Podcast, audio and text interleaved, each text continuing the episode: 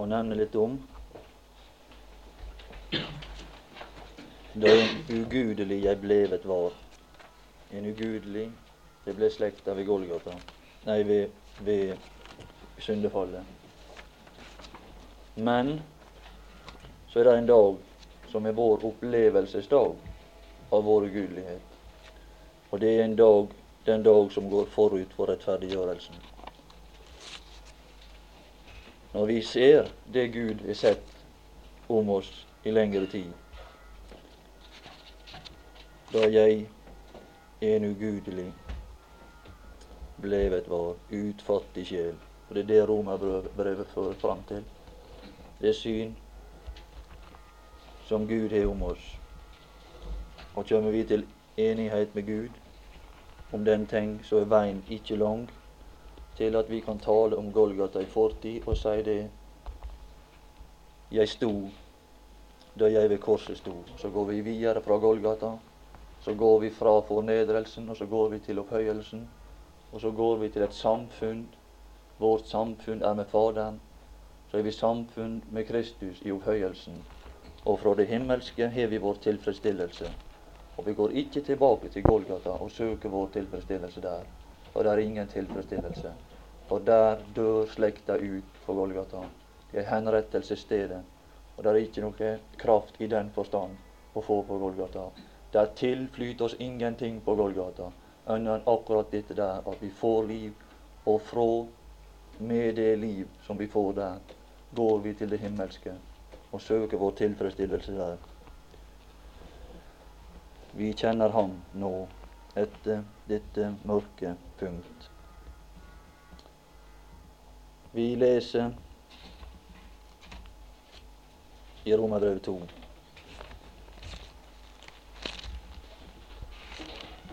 Der er det Det er ikke så enkelt som skulle tro. Det er ikke så enkelt, dette, som Paulus begynte på i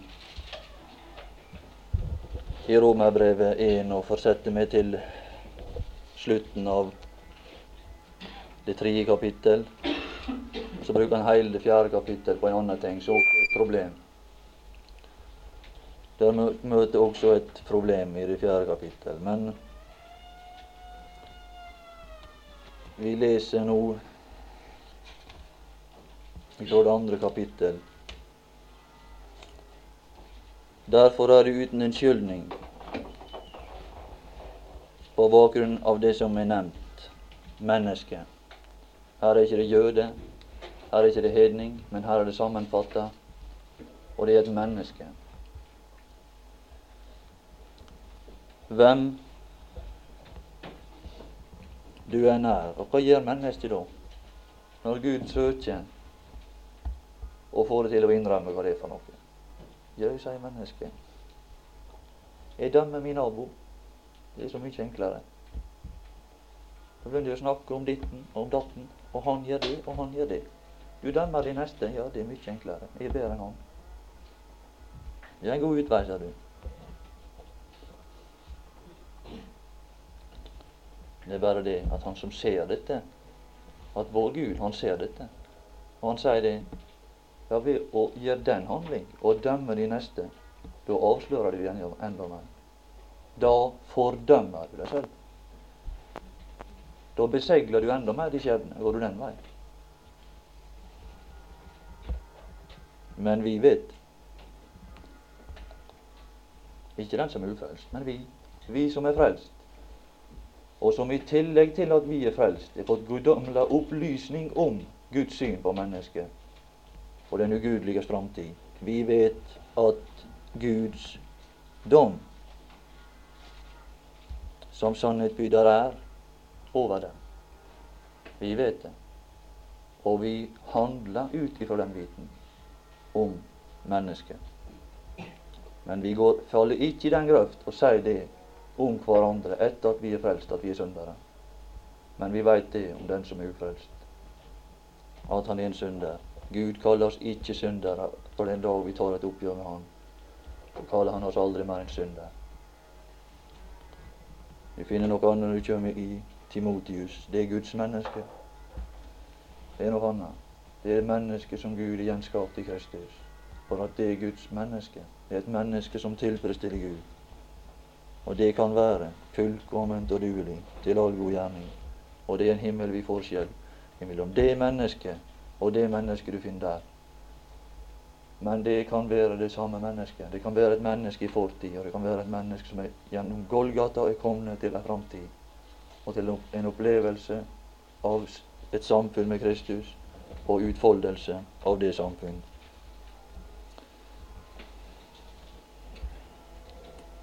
Guds dom er over dem, men den er ikke fullbyrda.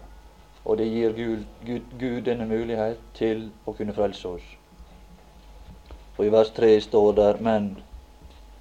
Det er liksom en slik polemikk eller en slik samtale som det naturlige mennesket fører her med Paulus. Liksom Paulus han legger det naturlige mennesket ordet i munnen, og så sier han det, men mener du? Mener du det, du menneske? Og hva betyr det? Hva betyr det, hva som mener? Er ikke det bedre å lytte til hva han sier, han som er oppover oss? Lytte til hva Gud sier om oss. Det er det Paulus prøver på. Mener du det, du menneske, at du som dømmer dem som gjør slikt, og selv gjør det at du skal unnfly Guds dom? Det er mange som mener det. Det mener mennesker i dag. Du skal unnfly. Det er lite å trøste seg til folk. Og det er en veldig dårlig trøst. Ja, det er dårlig trøst. Jeg vil iallfall ikke trøste meg til det. At jeg kanskje kan gå klar. Jeg har sett en som ikke gikk klar. Jeg har sett litt på Golgata. Det var ikke godt å gå klar for den Herre Jesus da han bar all verdens synd. Nei, det var ikke godt å gå klar hvilken byrde han bar. Ja, det står om en dag her i vers 5. Her står om en dag, vredens dag. Da Guds rettferdige dom, ikke bare Guds dom, men Paulus understreker at når Guds dom rammer, så rammer den med rettferdighet. Den åpenbares. Det kommer en dag at Gud må gå til det skritt å åpenbare Guds dom, men det er framtid. Mennesket er dømt, men dommen er ikke åpenbart. Og i mellomtida mellom disse to perioder, mellom Guds dom av mennesket og åpenbarelsen av denne dom går ei handling ifra Guds side som heter det at Guds vrede åpenbares. Gud gir til kjenne sitt mishag over oss, slik at vi kan søke frelse.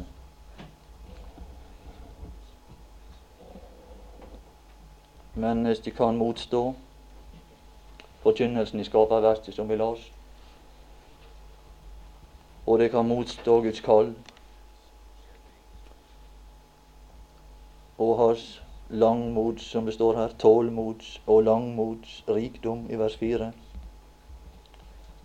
Og på den måte så kan mennesket makte å komme seg inn i evigheten på den andre side og møte, og der vil det møte Guds dom. Guds dom vil åpenbares der.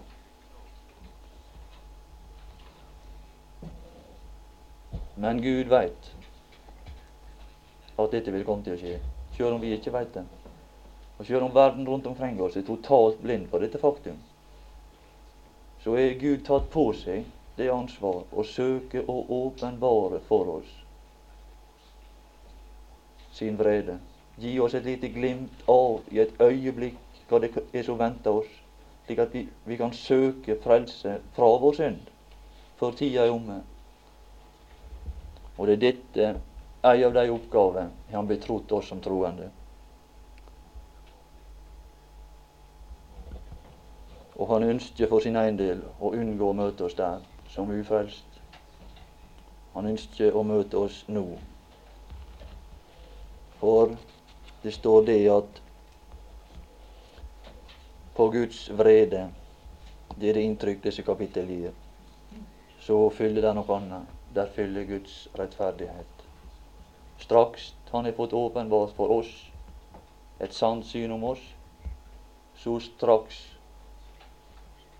er Han i stand til å rettferdiggjøre oss. For da er vi da er vi kommet i den tilstand at vi er mottagelige for det som Han vil gi oss. Og det Han vil gi en søndag, det er det en søndag trenger.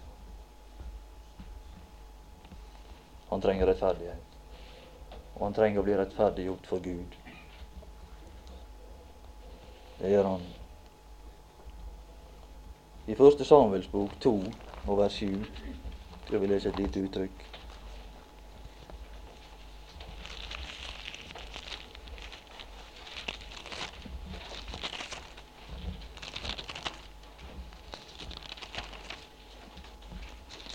Og jeg tror det at hvis vi fikk se noe av dette, og den ufrelste kunne få se noe av dette, og kunne vi være med å gi verden det inntrykk, så skulle det ikke bli vanskelig å komme til Gud med sin synd og med sin tilstand, med sine svakheter. Så skulle vi se det at Gud han er gode hensikter. I vers 7 Herren gjør fattig det var merkelig, et merkelig uttrykk. Nei, det er ikke det som ligger i det. Men han åpenbarer for oss vår fattigdom, for vi er fattige. Men vi tror vi er rike. Mennesket tror det er rikt, derfor så må Gud ta på seg det arbeidet. Han må åpenbare for oss at vi er fattige. Men så står det òg, så binder han det sammen med rikdom. Og gjør rik. Han gjør rik. Fallet ruinerte oss den evne. Ikke bare fallet, men fallet hadde ikke bare den følge at vi ble, vi ble fattige, men fallet og den utvikling som fylte på fallet, berøva oss evnen til å forstå vår fattigdom. Så sa Gud jeg må prøve. Jeg. For å prøve, sa han. Og det er ikke lett for Gud, og det er ikke lett for Paulus. Og Det er ikke lett for noen som vil være med på det arbeidet. Og det levner ikke mye ære til det naturlige mennesket. Guds vrede åpenbares, men det er bare for å gjøre oss rike. Og det kan vi iallfall være oppmerksom på at hvis Gud hadde onde hensikter, så kunne vi, han bare vente. Han kunne la oss fare og seile inn i evigheten. Da hadde vi fått sett Da hadde vi fått sett hva Guds vrede var for noe. Er ikke det da nåde at Han tar det på forhånd? At Han prøver å gi oss et lite inntrykk allerede her og nå, slik at vi kan unnfly Guds dom?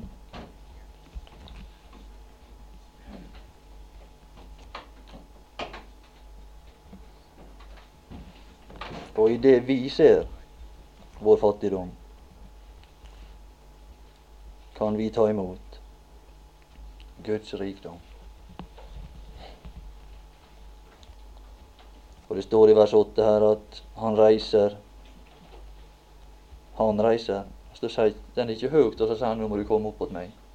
Men han stiger ned til den som er lave, for å løfte han opp. Det som er guddommelig måte å gjøre det på. Han reiser den ringe av støvet og løfter den fattige av skarnet for å sette ham hos fyrster. Og der Gud er satt ned, der sitter du for alltid. Der sitter du. Ikke noe som er ramla ned derifra ennå. Ikke en eneste en heller. For han har satt oss der. Han satte oss i himmelen. Han satte oss i himmelen. Vi blander våre følelser inn i denne stilling. Så sier vi det at de kan aldri sitte her nå. Kan aldri sitte her nå. Å, langt der er det ikke slik. Men der Gud har satt oss, der sitter vi. Vår opplevelse av disse tingene er på et helt annet plan. Vi sitter hos fyrster, og ved tro kan vi oppholde oss, fyrste, oss hos fyrster. Og vi kan ha med fyrsten å gjøre der i det høye. Og vår karakter kan bære preg av en fyrstes karakter.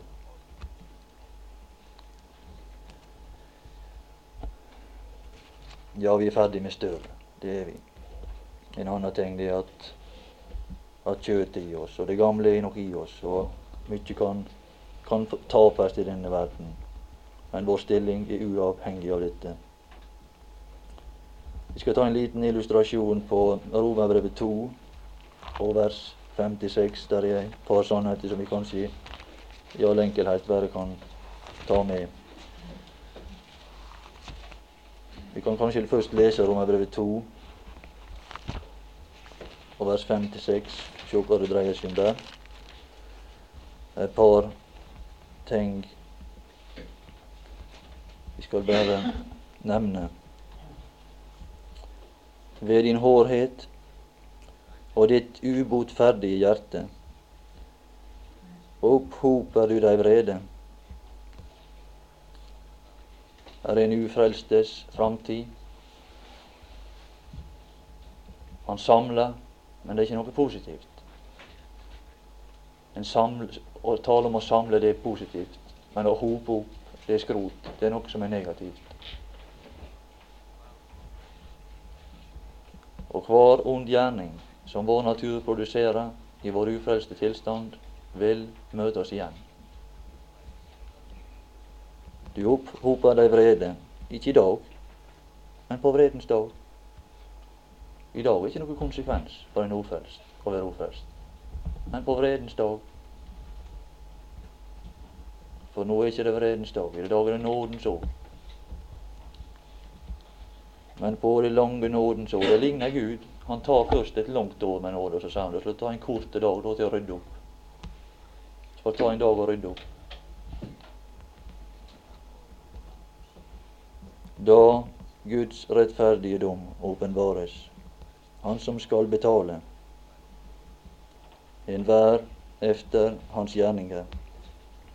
Og vi leser Esaias 1 og vers 31.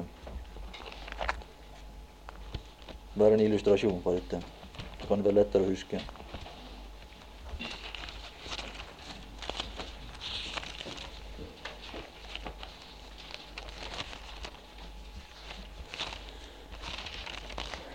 Der står i det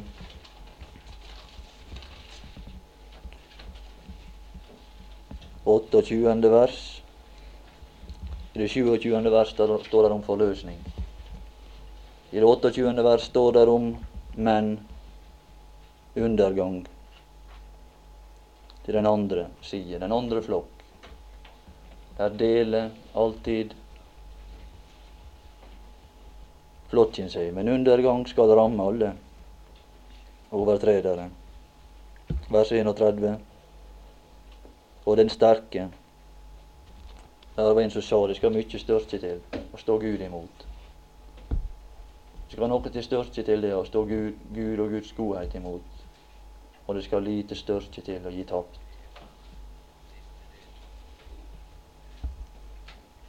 Men den sterke skal bli, den som hadde styrke til å stå Gud imot, han skal bli til stry. Og det er noe som er lett antennelig det er noe som brenner lett. Det er vel et organisk materiale fra en annen slags plante. Det er forskjellige som kjenner til det. Det er et menneske i sin naturlige tilstand, men så kommer det og og hans gjerninger. Så blir den som har gjort gjerninger, han blir forbunden med sine gjerninger, gjerninger og blir til ett med det som var skjedd ved legemet og hans gjerninger til en gnist. Og de skal brenne. De skal brenne. Når vi blir forena med det som vi har gjort, så skal det tende. Et menneske kan ikke brenne i den forstand, men når de gjerninger som vi har gjort, er i aller høgste grad brennbare, og de skal brenne, alle til sammen, Og der er ingen som slukker. Men der var en plass til som vi gjerne ville bringe en synder til, og det var til Golgata. Der var også, der var også stryden. Herre Jesus han var på en måte striden. Og der var den onde gjerning. Og der var ild som tente opp. Ild er opptent i min vrede, og den brenner. Men der var en dag der ilden opphørte. Og der var en som flukte. Men kommer vi oss inn i evigheten og blir forbundne med det vi er, og våre gjerninger, så skal det komme til å brenne. Og det skal brenne i all evighet, og det skal aldri være noen som slukker der. Der er ingen, for der er ingen som slukker. Men her er en som er åpenbart, som vil ta ifra oss vår fortid og gi oss ei framtid.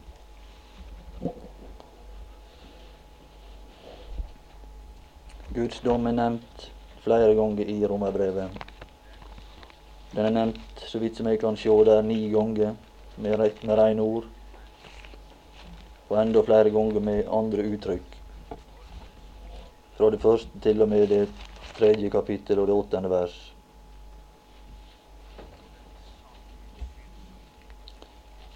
I den betraktning som Paulus gjør her, så tar han et bestemt utgangspunkt.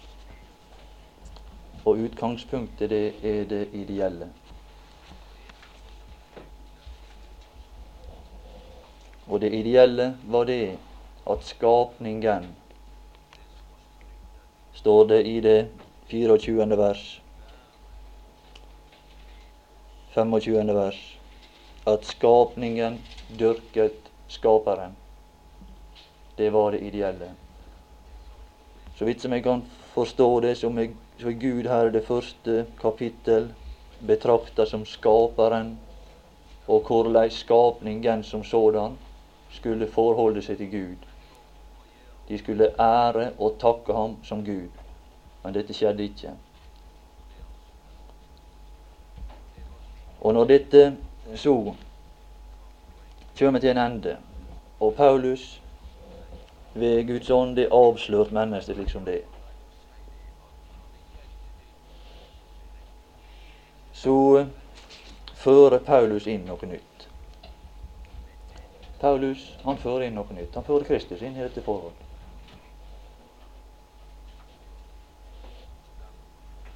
Ikke ved syn, ikke ved skaperverket, men ved tro. Våre muligheter forbi som sådan. Som et naturlig menneske. Prøvetida er forbi. Og det er ved tro, står der i vers 25 og kapittel 3. Ved troen. Der føres inn et nytt prinsipp som Gud gir, så vi kan ha kontakt med Gud. Tre ganger i det første kapittel står det at Gud overgav dem. I det 24., det 26. og det 28. kapittel eh, vers av det første kapittel. For så vidt som jeg kan forstå, jeg vil ikke si det med noe sikkerhet, men jeg vil si det at jeg tror det svarer til de tre tidshusholdninger som gikk, som gikk forut. Det er at Gud for hver gang slepte mennesket ned når han så det ikke ville leve på det plan som han ga. Så slepte han mennesket ned fra ett nivå av liv til et annet nivå for å ta det igjen på et annet nivå. Det er ganske alvorlig å tenke på. Og dette prinsipp tror jeg går også igjen i et troende liv. På en litt annen måte. Vi kan nok få det vi søker. Og det fikk slekta. Og Gud slepte slekta på ett nivå for å ta den igjen på et annet. Og i tillegg til dette så er tendensen alltid i all utvikling etter syndefallet den er nedadskridende så det er gått stadig nedover.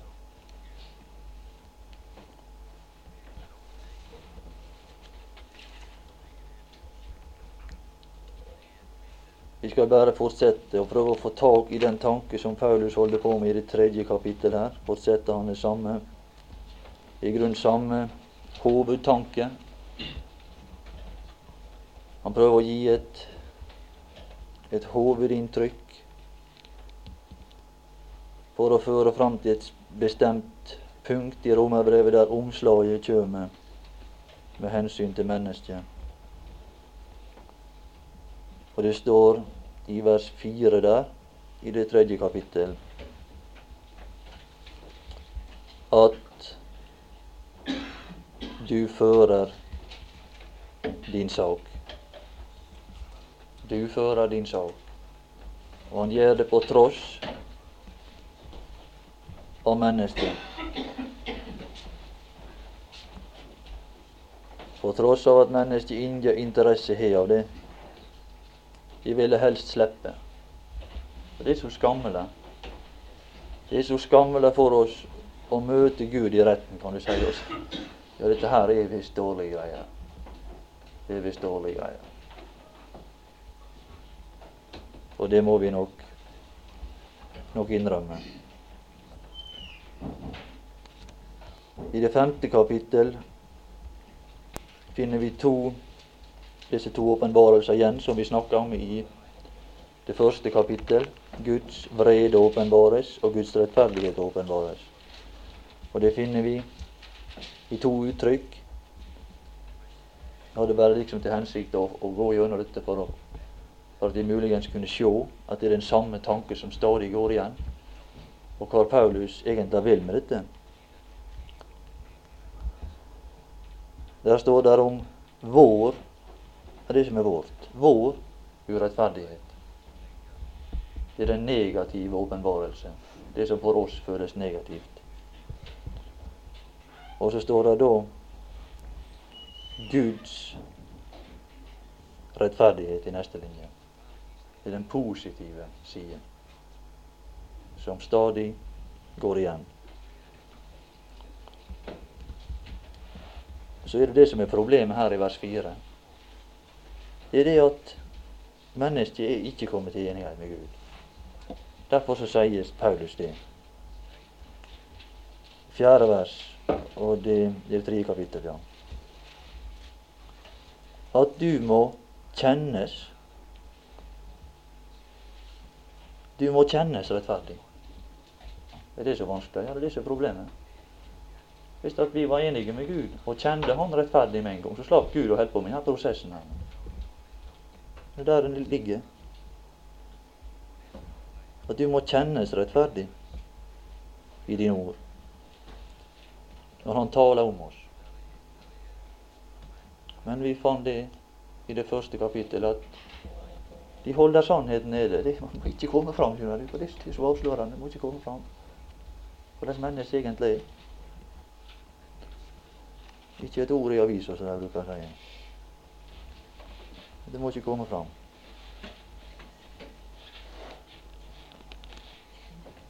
For mennesket har den den gale oppfatning at Gud er urettferdig. Vi må kjennes rettferdig. Og det står i vers 5 det avslører. Er vel Gud urettferdig? Det er liksom spørsmål. Det går an å spørre om slikt. Ja, det er en gang. Det er mennesket spør slik. Er Gud urettferdig? Vi har den tanken. Kan vi ikke stå så gale til når Han fører sin vrede over oss? Det står det i, i 9 vers 14. Han Arne vel vært inn på han vel på det. Vi kan ikke slå det opp. Vi skal bare nevne det. Er det vel urettferdighet hos Gud? Hva det stammer ifra, tror du? Ja, det stammer ifra mennesket som har fått den tanken inn. Er det urettferdighet hos Gud?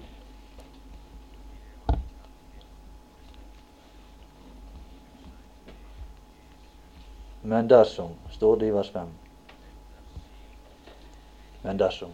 Det her er noe som er høgst usikkert. Og jeg er glad for at jeg kan stå her og si det at den dag for mitt vedkommende er forbi. Og jeg ser tilbake til Golgata med takk. At jeg kom forbi dette trange pass. Smal er den vei som fører til livet. Det er sikkert. Det er en smal vei. Og det var Jeg er glad for at jeg var ung. Det var ikke mye jeg hadde å, å, å gi vrak på. Det var ikke mye jeg hadde av å være stolt over. Ingenting hadde jeg å gi fra meg. Det var bare jeg kom da jeg var Det var ikke mye jeg hadde å angre på i på mange måter. Så fikk jeg begynne. Det var lettere å bøye en ung enn en gammel en.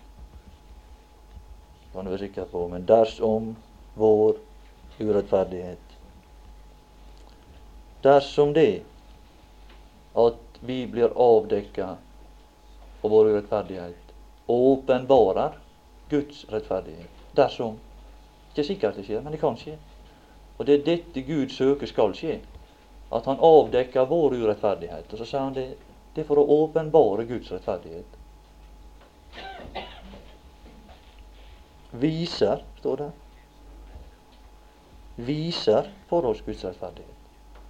Det er snakk om opplevelse av disse ting. Det er ikke snakk om det eksisterer, men det er opplevelsen av disse ting Gud søker å gi oss.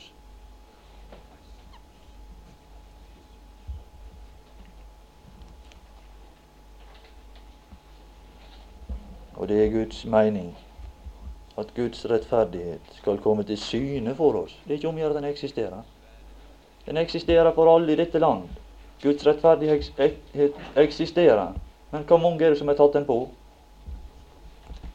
Det er det som er møya for Gud. Han hadde en møye en dag med å bringe den til veie, men ikke i dag. Nå er Guds møye å gi oss den, og få oss i den tilstand, og møte oss i retten og avdekke oss, slik at vi tar imot.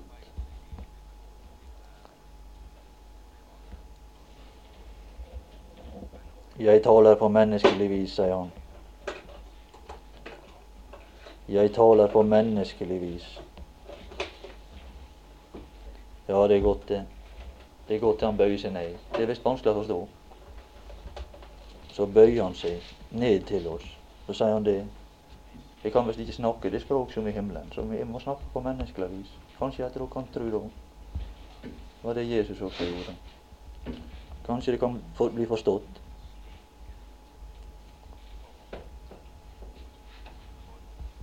Og den som er anklaget i en sak, han er fortsatt ikke i stand til å forstå. Til å innrømme at det er noe som er galt. Det skal vi se her.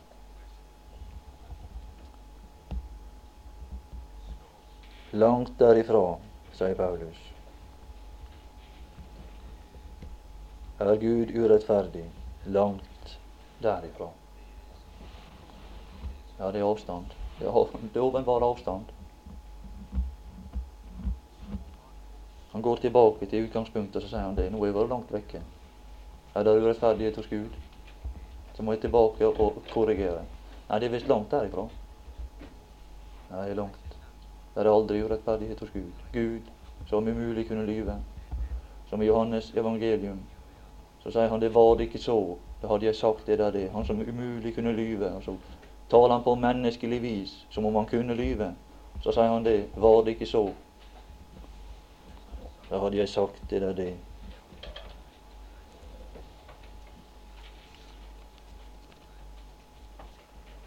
Langt derifra. Hvorledes kunne Gud da dømme verden? Så stiller han et spørsmål til denne synderen, Paulus. Og så sier synderen, ja, men. Ja, men. Jeg kjenner det vel kanskje igjen. Jeg kjenner meg iallfall igjen. Ja, men. Men Det er et typisk menneskelig uttrykk. Fremdeles er det uenighet. Protest. Hvorfor blir da jeg enda dømt som en synder? Hvorfor? Det er noe galt med meg? Og langt derifra. Det er ikke noe galt. Finne en innvending. Det er, ikke, det er ikke enkelt å gi tapt. Det er ikke enkelt for et menneske borte fra Gud og gi tapt. På din lange vei ble du trett, står der i en, i en salme eller i, i et det var jo over Jeremias det står. Allikevel sa du ikke 'jeg er tapt'. Allikevel ikke. Men du fant ny kraft i din hånd. Du fant ny kraft. Det er ressurser i det menneskelige til å stå Gud imot. Men det er noe Jeg vil si jeg er glad for at jeg ga tapt. Så fikk jeg oppleve Guds rettferdighet.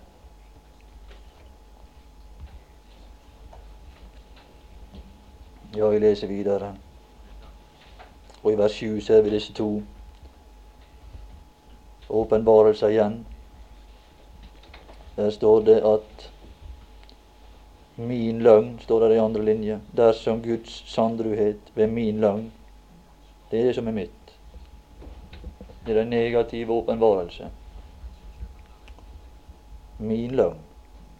Og så i linje overfor er det Guds sandruhet. Det er den positive siden. Der ser vi at Gud er sandru. Og så sier Paulus lenger oppe la det stå fast. Hvorfor er det nødvendig å si det? For det mennesket vil ikke la det stå fast. La det stå. Nei, sier mennesket. Det må ikke stå. La det stå fast at Gud er sandru, men ethvert menneske er en løgner.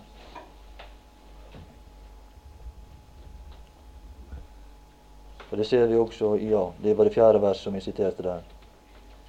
Der er det samme igjen.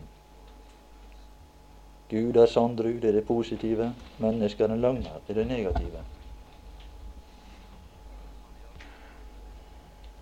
Og Paulus avslutter her dette negative kapittel i, i denne liksom polemikk som han driver her med samtale som han driver her med naturlige mennesker. Og det, det nytter ikke, sa han. Det er bare å gi opp. For det naturlige mennesket vil ikke la seg overtale. Det vil ikke la seg overtale. Rettferdig er den dom som treffer slike, sier han. Det er rettferdig.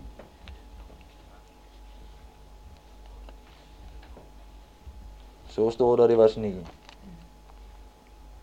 hva da?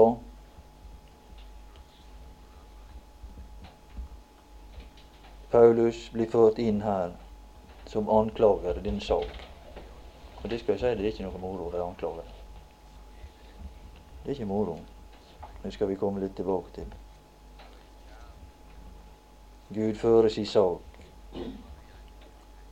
Han anklaget både jøder og grekere. For er grunnen til anklagen at de alle sammen, de er under. Og de er under synd. Og dette er en ubehagelig posisjon.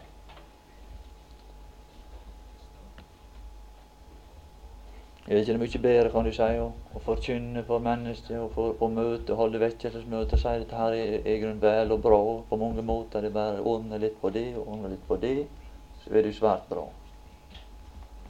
Vi må lære av Paulus. Vi må lære av Paulus. Mennesker i, Norge i dag står i en langt dårligere posisjon enn de gjør ute i, på Heningmarka. Mange tilfeller så er det slik, til mitt skjønn. Mennesker i Norge da, de taler, vet du hva de taler? De sier det at de, Nei, Gud, han er kjærlig og god. Han kan ikke kaste meg prektige mennesker i fortapelsen. Nei, Kjærlig Gud, en god Gud. Ja. Men de der ikke ute på ute i, i den, den usiviliserte verden. De snakker ikke om en kjærlig Gud. De har ikke det inntrykk. Og de står langt i, i langt større Det er langt større mulighet til å bli frelst om noen forkynner evangeliet til dem.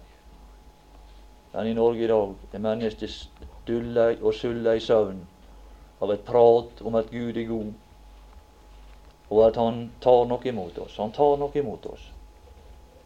Han gjør ikke det. Han tar ikke imot et naturlig menneske.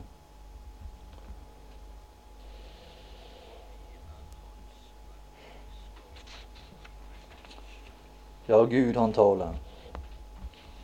Det er den første som taler. Og så er Paulus her anklager. Han taler. Og så kommer vi lenger nede til at loven taler. Og ved to eller tre vitners ord skal enhver sak stå fast. Og i vers 8 står det at får vi en pekepinn om at Paulus, når han forkynte dette, så var ikke han særlig populær. Vi spottes, sier han. vi spottes i vers 8, som vi spottes for.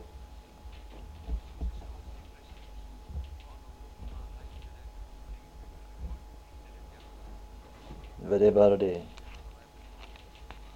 at hvis La oss si det at vi tar konsekvensen av det som er sagt, det som Gud sier, og tar inn over oss denne skam. Og du veit Paulus her i Romerbrevet 1 også sier han 'Jeg skammer meg ikke'. Og Hvis han sa det, så var det, var det av den grunn at det var det som var naturlig. Det var å skamme seg. Og det var skam for Paulus også. Vi spotter, sier han. Men det er bare det at den som tar skammen inn over seg og sier at det er som det er Det er i grunnen sant, Gud. Det er, jeg trenger en frelser. Vet du hva det står da? Han sier det. Den som tror på ham. Han skal iallfall ikke bli til skamme. Om det er skam nå liten grad med det, og det er skam for meg å, å erkjenne dette, så blir han for all tid fra det øyeblikket av, så blir han frikjent for all skam. Både i tid og i evighet frigjort for skam for Gud. De skal aldri bli til skamme. Og det står her lenger bak i, i Romerbrevet Se, sier han, jeg legger i Sion. Det er en merkelig. Se, jeg legger i Sion. Så var det hva det sto. I 9.33 må det stå.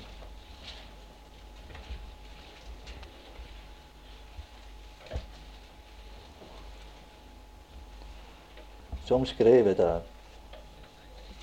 Se,